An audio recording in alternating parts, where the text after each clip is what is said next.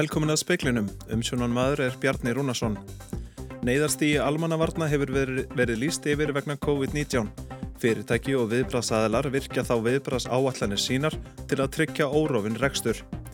Mikil reyði er meðal breyta eftir að upplýst var að Garðveistla hefði verið haldin í bústað fórsættisrað þeirra í mæ árið 2020 þegar mjög strángar sóttvarnarraðstafinir voru í gildi og allar samkomur bannaðar.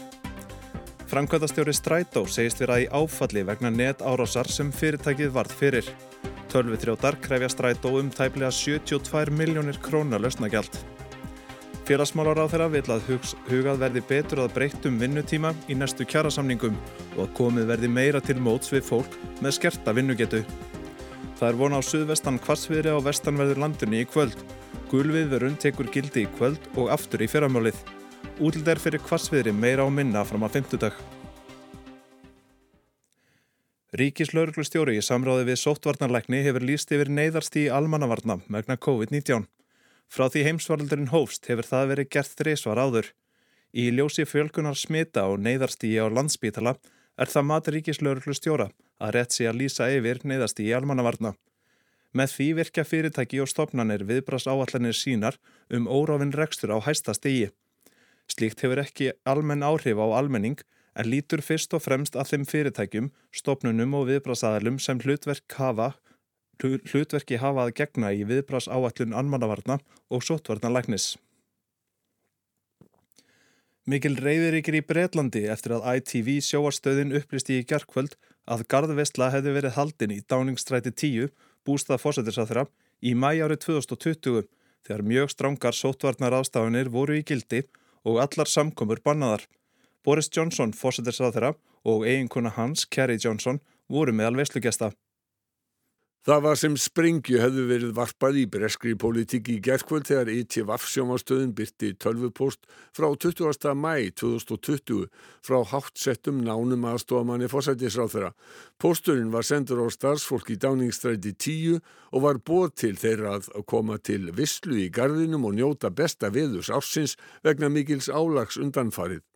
Boris Johnson neytar að svara spurningum um hvort hann hafi verið í veislunni, vísar til rannsóknar á ásökunum um myndbrot hans á sóttvarnalögum. All that, as you know, is the subject of a, uh, a proper uh, investigation by Sue Gray. Upplýsingarnar um veisluhöldin nú bætast við fyrri fregnir um veislugliði í Dáningstræti 10 meðal annars jólagliði 2020 þegar einnig gildu stránga sóttvarnar aðgerðir og samkominntakmarkanir.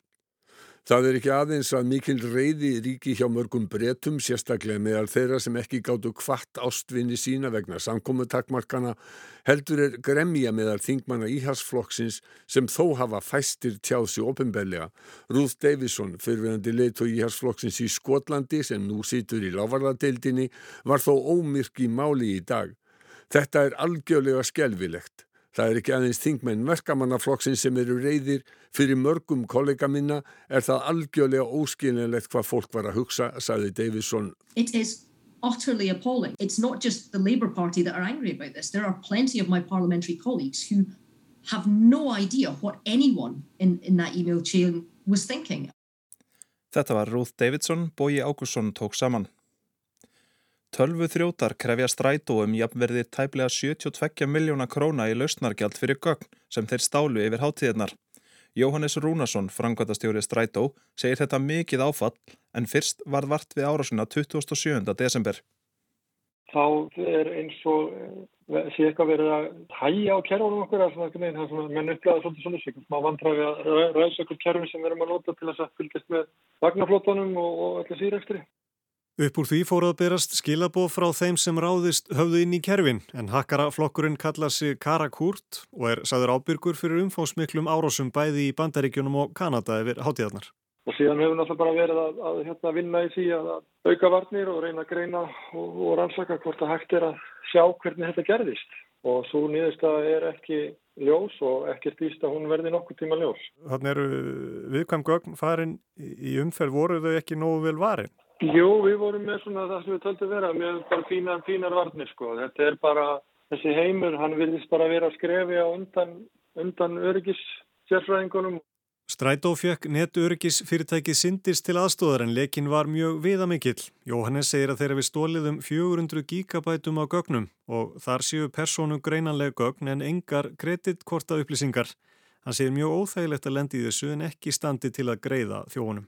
Við erum svo sem bara í áfalli og þetta bara miður okkar líka fyrir enda okkar vísindina sem er bara hörmum og býðist afsökunar á sig en ég held að þó allir viti af þessari áhætti þá, þá held þeir alltaf að alltaf allir að, að þeir hafi svona ágættis verðnir að þeir mjög aldrei lendi í þessu. En, en þetta er kannski bara miklu nærmann en heldur maður eða vill trúa að sé. Segir Jóhannes Rúnarsson, Bjarni Pétur Jónsson talaði við hann. Dæmir um að fólk hafi fengið COVID í þriðja skiptið. Anna Hafberg, hjúgrunarfræðingur sem er í fósvari fyrir símaver COVID-göngudeldar landspítala, segir algengt að veikindi versni hjá fólki eftir útskrift. Alls hafa 548 greinst oftar en einu sinni með COVID. Þeim fjölgar bara alveg dag frá degi mjög mikið þannig að Omikron er ekki að virða það neitt að þú hafi fengið COVID aður, bara ekki neitt og ég er mögulega búin að tala um miskosti tvo sem eru þriðjaskipti og ég hafði þó fólk sé bara með smiti í november lók að þá fólk komið aftur þannig að svona þrjáru vikur síðan mögulega síðan að við varum með COVID og eru konið með Omikron núna. Símtölin eru mörg í símaverið Það er auðvitað eftirkvæst. Ef við hefum að kalla það eftirkvæst á áttunda degi þá hefur fólk orðið alltaf lasið og við hefum líka verið að vara fólk við að reyna að fara varlega á stað því að það er oft miklu slappara heldur en það heldur. Þetta verður snúist alltaf við. Áður var þetta bara þannig að allir vildi útskjáast á sjötum og ringdu hérna Lónadón til að útskjáast en nú ringir fólk til að fara aftur inn á listan og vil halda fram í einangrun til að fá aðstöð frá okkur. Þetta var Anna Hafberg, Kristín Sigurðardóttir talaði við hana. Lauruglan á Suðurnesjum lokaði Facebook aðgangi sínum síðdeis og segir það vera vegna aðtúasemda persónuvendar um öryggi miðelsins. Í mars á síðasta ári komst persónuvenda þeirri niðurstöðu að móttaka lauruglunar á höfuborgarsvæðinu og upplýsingum í gegnum Facebook hafi ekki samræmst lögum um vinslu persónuupplýsinga í lögjastlu tilgangi. Helga Þóristóttir, forstjóri persónuvendar, segir þau sérstaklega að hafa gert aðtúasemdir við þegar lögregla kallaði eftir upplýsingum frá almenningi í gegnum engaskilaboð. Það er útgangspunktur að, að það sé ekki heimilt að, að í rauninni að varðveita upplýsingar, eh, þá lögreglu upplýsingarnar, utan evróska efnahansvæðisins. En ef eitthvað er sendt til Facebook, þá er það komið til bandaríkjana. Og það likur fyrir að í skilmálum Facebook þá kemur fram að Facebook sapnar öllum þeim upplýsingum sem er miðlað í gegnum Facebook. Fyrir í dag, tíu mánuðum eftir að persónavend komst að þessari niðurstöðu, tilkynnti lögreglan á Suðunisjum að hún hyggist loka Facebook síðu sinni af öryggisástaðum. Er það eina með landsinn sem brúðist hefur við aðtúasendum persónavendar með því að hætta á Facebook? En það er alveg ljósta ákvörðun uh, hvað var það mótöku eins lögreglu umdæmis hér á landi á upplýsingum gegnum Facebook á við um önnur umdæmi. Ef það er verið að nota samfélagsmiðla þá er vola erfitt að stýra því hvað þú farst og þú byrjir ekki um það. Það verður einsum til þess beðum ábyrningar og allt svo hættu við það en eftir ennþá á miðlun þá er það kannski til uh, vand uh, svona fetuð slóð. Saði Helga Þóristóttir, Ólaf Rún Erlendstóttir tók saman. Veðrið heldur áfram að minna á sig í kvöldtaka gildi gular viðvaranir á höfuborgarsvæðinu, Suðurlandi, Vesturlandi og Vestfjörðum, aukur Norðurlands vestra. Birta Líf Kristinsdóttir veðurfræðingur, hvernig lítur þetta út? Já, það er að bæta í vindin og sömleis úrkomuna. Það er núna í kvöld og nótt að verður suðvestan stormur með jæljum, þannig að hríðar veður í rauninni á öllu vestanur landinu. Það er svona aðeins mismunandi tímasetningar en á einhverjum tímapunkti um allt vestanverðlandið. Og svo á morgunu þá tekur ekki betra við? Nei, það er svona aðeins uh, lægir og dregur úr í fyrramálið. Uh, þessar viðverðanir er að renna út síðasta klukkan 5 en síðan með mótninum þá týnast þær aftur inn uh, í rauninu á sömu svæðum nema Suðurlandi en það verður vissulega hvast þar líka með ofankomu þannig að það er um að gera að fylgjast með eh, að það verður eitthvað breytingar á spám og útgáfu viðvarna. Og hvað stendur þetta lengi? Það er viðvarnar gild alveg í sólaring alveg fram á 50 dag þannig að þetta er svolítið, uh, þetta er svolítið langt en uh, það er um að gera að fylgjast með þessar þróun eins og ég segi en hérna flestar viðvarnar er að renna út um háti á 50 dag. Takk fyrir þetta, Birta Líf Kristinsdóttir.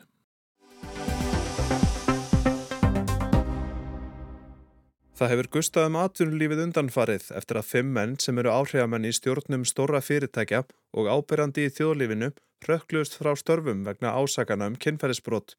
Í málum sem þessum leita fyrirtæki og stjórnendur þeirra gerðnan til almannatengla. Í kjarnanum um helgina kom fram að miðlinn hefði heimildir fyrir því að almannatengill hafi ráðið þremur mannana í lóknýðleðins ás að segja þetta væri kæftasaga. Best væri að þeia málið af sér. Karin Kjartansdóttir, Armanatengill, segir að svo aðferð stjórnenda fyrirtækja að þeia af sér mál sé hverfandi. Mörg fyrirtæki hafi ákvæði í stefnu sinni um að hægt sé að víkja fólki frá ef orðspori fyrirtækisins er telt í tvísinu. Hvaða nálgun beita almannatenglar í málum sem þessum? Það er kannski þrjú megin atriði, svo við séum ekki með langa upptalengum og það er annarkvort sem talsvert hefur stunda að svara ekki neinu, býða þetta af sér, þeia virkaði betur hér áður fyrr heldur en það gerir núna.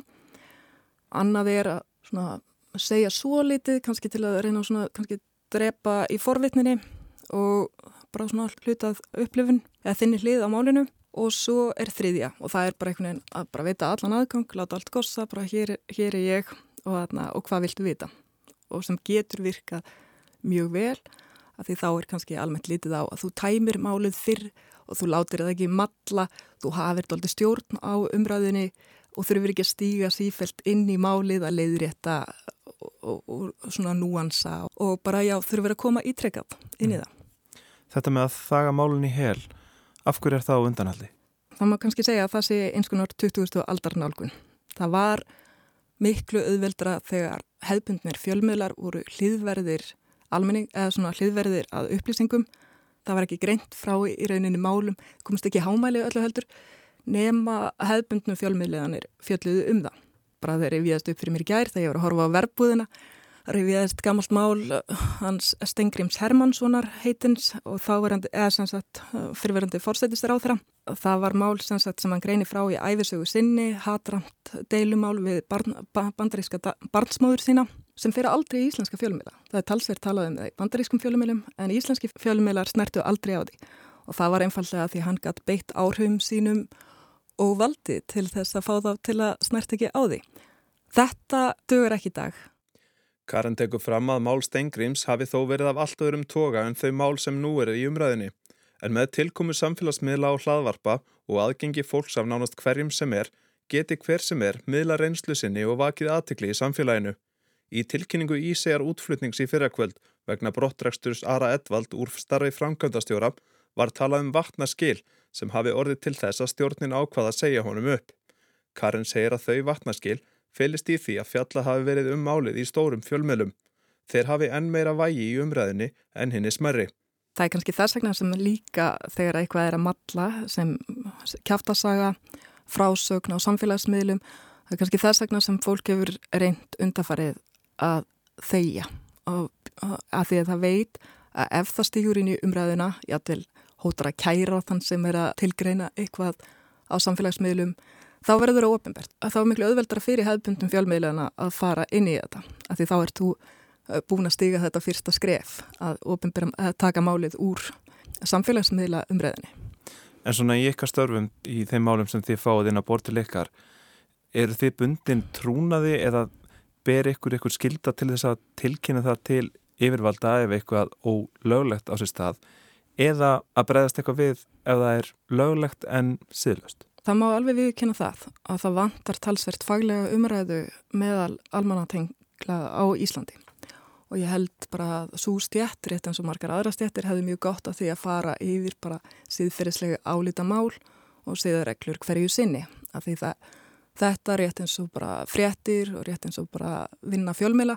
Þetta er ekki alltaf klift og skórið, þetta er ekki stærfræði. Það sem er viðegandi á hverjum tíma uh, kannski bara passar alls ekki í setna og það þarf að átta sig á því og greina þetta. Og ef við gerum það ekki þá lendum við á skjön við ríkjandi viðhorf.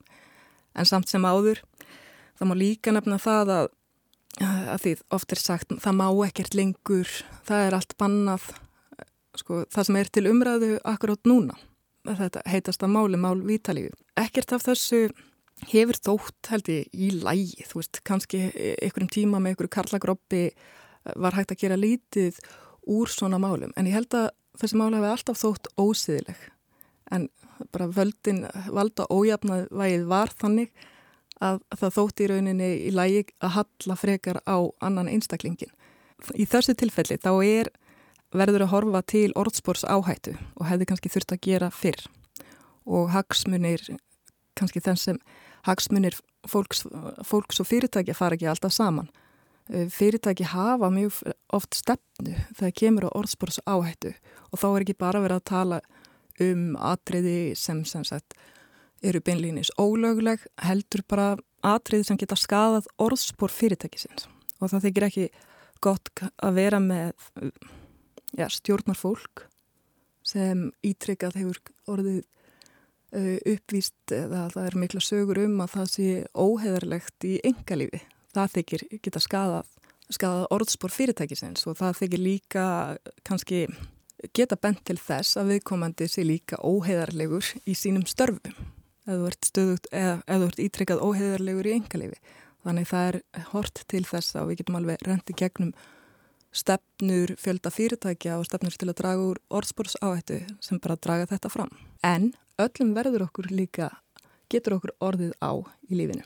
Og ég hef alltaf skiljað þannig að fólk bara almennt og almenningur sé frekar reyðbúin að fyrirgefa þegar fólki verður á. Við erum öll, öll breysk. Fólku upplifi atvik með misjöfnum hætti út frá reynslusinni og skilningi. Sannleikurinn er að hennar mati flókið fyrirbæri. En hvaða reglur gilda um ráðleggingar almannatengla? Almannatengsl eru mjög langt frá því að vera eins og einhvers konar stærfræði. En ef það er einhver regla í gildi og alltaf í gildi, þá er það að það má ekki segja ósatt. Það má ekki segja eitthvað sem gengur gjörsamlega í berhögg við það sem átti sér stað. Ég segi að við getum haft ólíkan skilning En það er ekki hægt að já, reyna að ljúa sig frá þessu því það er einstaklega ósjálfbær aðferð bara í hverju sem er og öllum samskiptum. Ykkar stjætt, Almanna Tenglar, er hún með ykkur að séðraklu til að mynda? Við erum ekki nógatuglega í faglegri umræðu eins og ég sagði og við mættum alveg, þurfum eiginlega að gefa í með þetta því við erum það oft bara kannski fenginn til þess að fara yfir mál og, og þarna, í fjölmjölum og veruleikin er að verða flóknari þannig ég held að, bara, ég held að við ættum að taka það til okkar að ræða freka gaggrínið um okkar störf. Bændur og fleiri hafa gaggrínt að stjórn Ísjar útflutnings hafi gripið ofsent í taumana og sagt Ara Edvald upp. Stjórnin vissi af málinu frá því haust þegar orðrómur var um það. En er það nóg til að grípa til aðgerða? Það hefði til dæmis geta lámarkað skadan að bræðast fyrir við. Að viðkomandi hefði bröðist við, beðist afsökunar eftir og gert málið upp.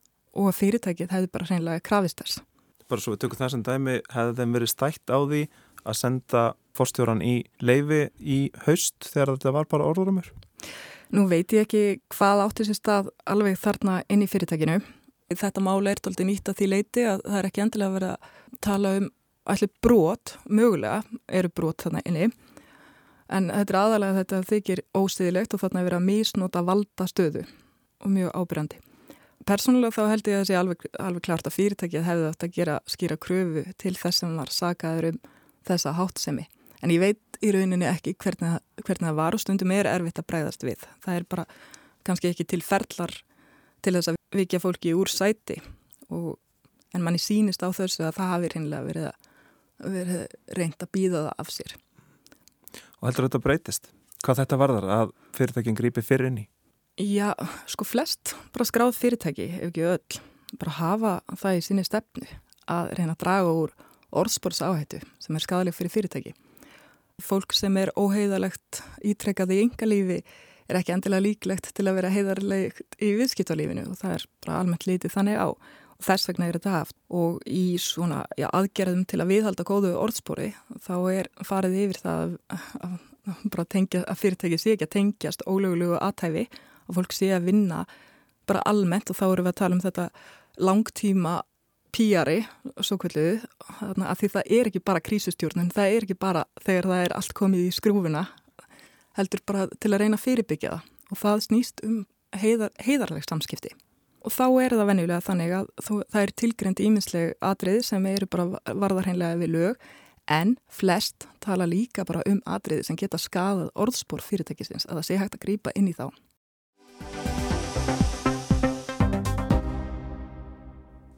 Guðmundur Ingi Guðbrandsson, félagsmálar á þeirra, vill sjá breytingar á vinnumarkaði á þann hátt að hugað verði betur að breyttum vinnutíma og að komið verði betur til móts við fólk með skerta vinnugetu. Speillin rætti við Guðmund Inga, sem hefur vinnumarkaðsmál og húsnæðismál á sinni könnu, um ástand og horfur í þessum málaflokkum. Hann er ánaði með að viðsemjandur á vinnumarkaði vilji tala sem fyrst saman á nýju ári. Þetta er svona eitt af því sem við erum öll sammálum að það sé æskilegt að hver samningur taki við af fyrri samningi sem ekki án samninga sem stundum hefur verið í allt og langan tíma. Þannig að það er gríðarlega jákvægt. Sko stjórnvöld gerðu það í aldraganda síðustu samninga að þá voru haldnir fjölmarkir fundir með aðilum vinnumarkaðarins og við erum að stefna því að gera það sama núna og á þessum fundum er það farið yfir sviðið líka til þess að það séu svona allir meðvitaður um hvað er að gerast á hverjum stað. Þannig að það er svona ákveðin stuðningur sem að stjórnmöld koma þá með inn í þessa vinnu því að við erum öll sammála um það og ég hef heyrt það á aðilum vinnumarkaðarins að reyna að bæta ferlið í kringum gerð kjærasamninga.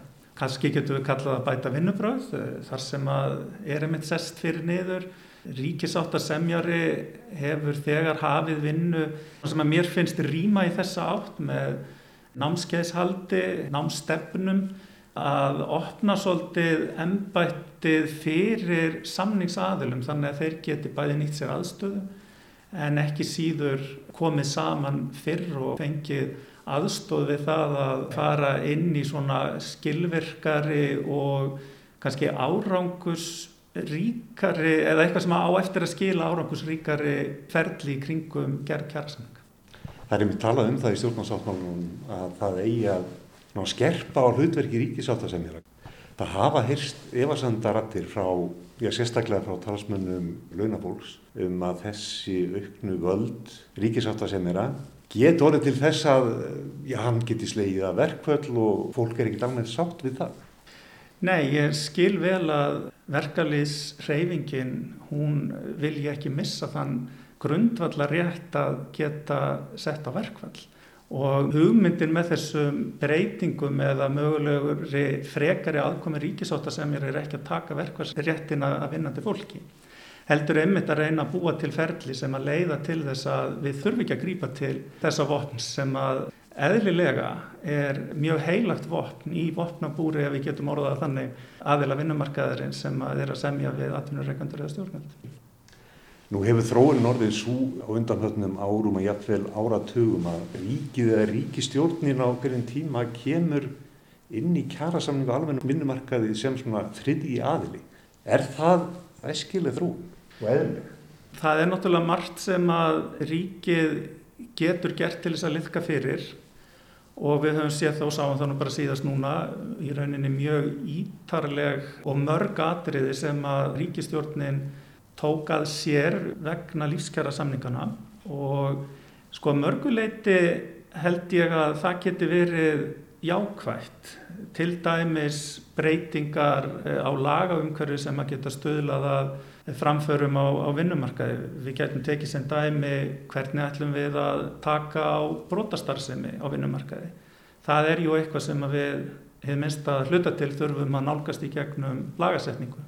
Annað dæmi sem að væri hægt að nefna og, og þá er maður nú að horfa til lífskjara samningana líka eru aðgerðir ríkistjórnarinnar á sviði húsnæðismála Þar sem að ríkistjórnin setti aukinn stoppframlög til uppbyggingar í almenna íbáðkjærfinu sem að hefur þá skila sér út í það að stærri hópur af fólki hefur geta nýtt sér ódýrari og mun ódýrari leiðir á lefumarkaði. Drífa Snæptar fór staðis í ungagrindi í viðtali í speklinum að það væri ekki nógu skýrt hverðið á og mjög óljós hvernig tekið skuli á húsnæðismálum og ekki bara húsnæðismálum heldur einnig verðlagsþróun og þessi tvö séu grundvallar aðrið í samningunum. Hvað hyggst Ríkistjóðin gera í húsnæðismálum og verðlagsmálum? Það sem að snýra samningunum, ég menn nú sennileg ekki segja margt um það nákvæmlega hver að koma ríkisins verðu því að hún likur ekki fyrir eins og staðan er núna.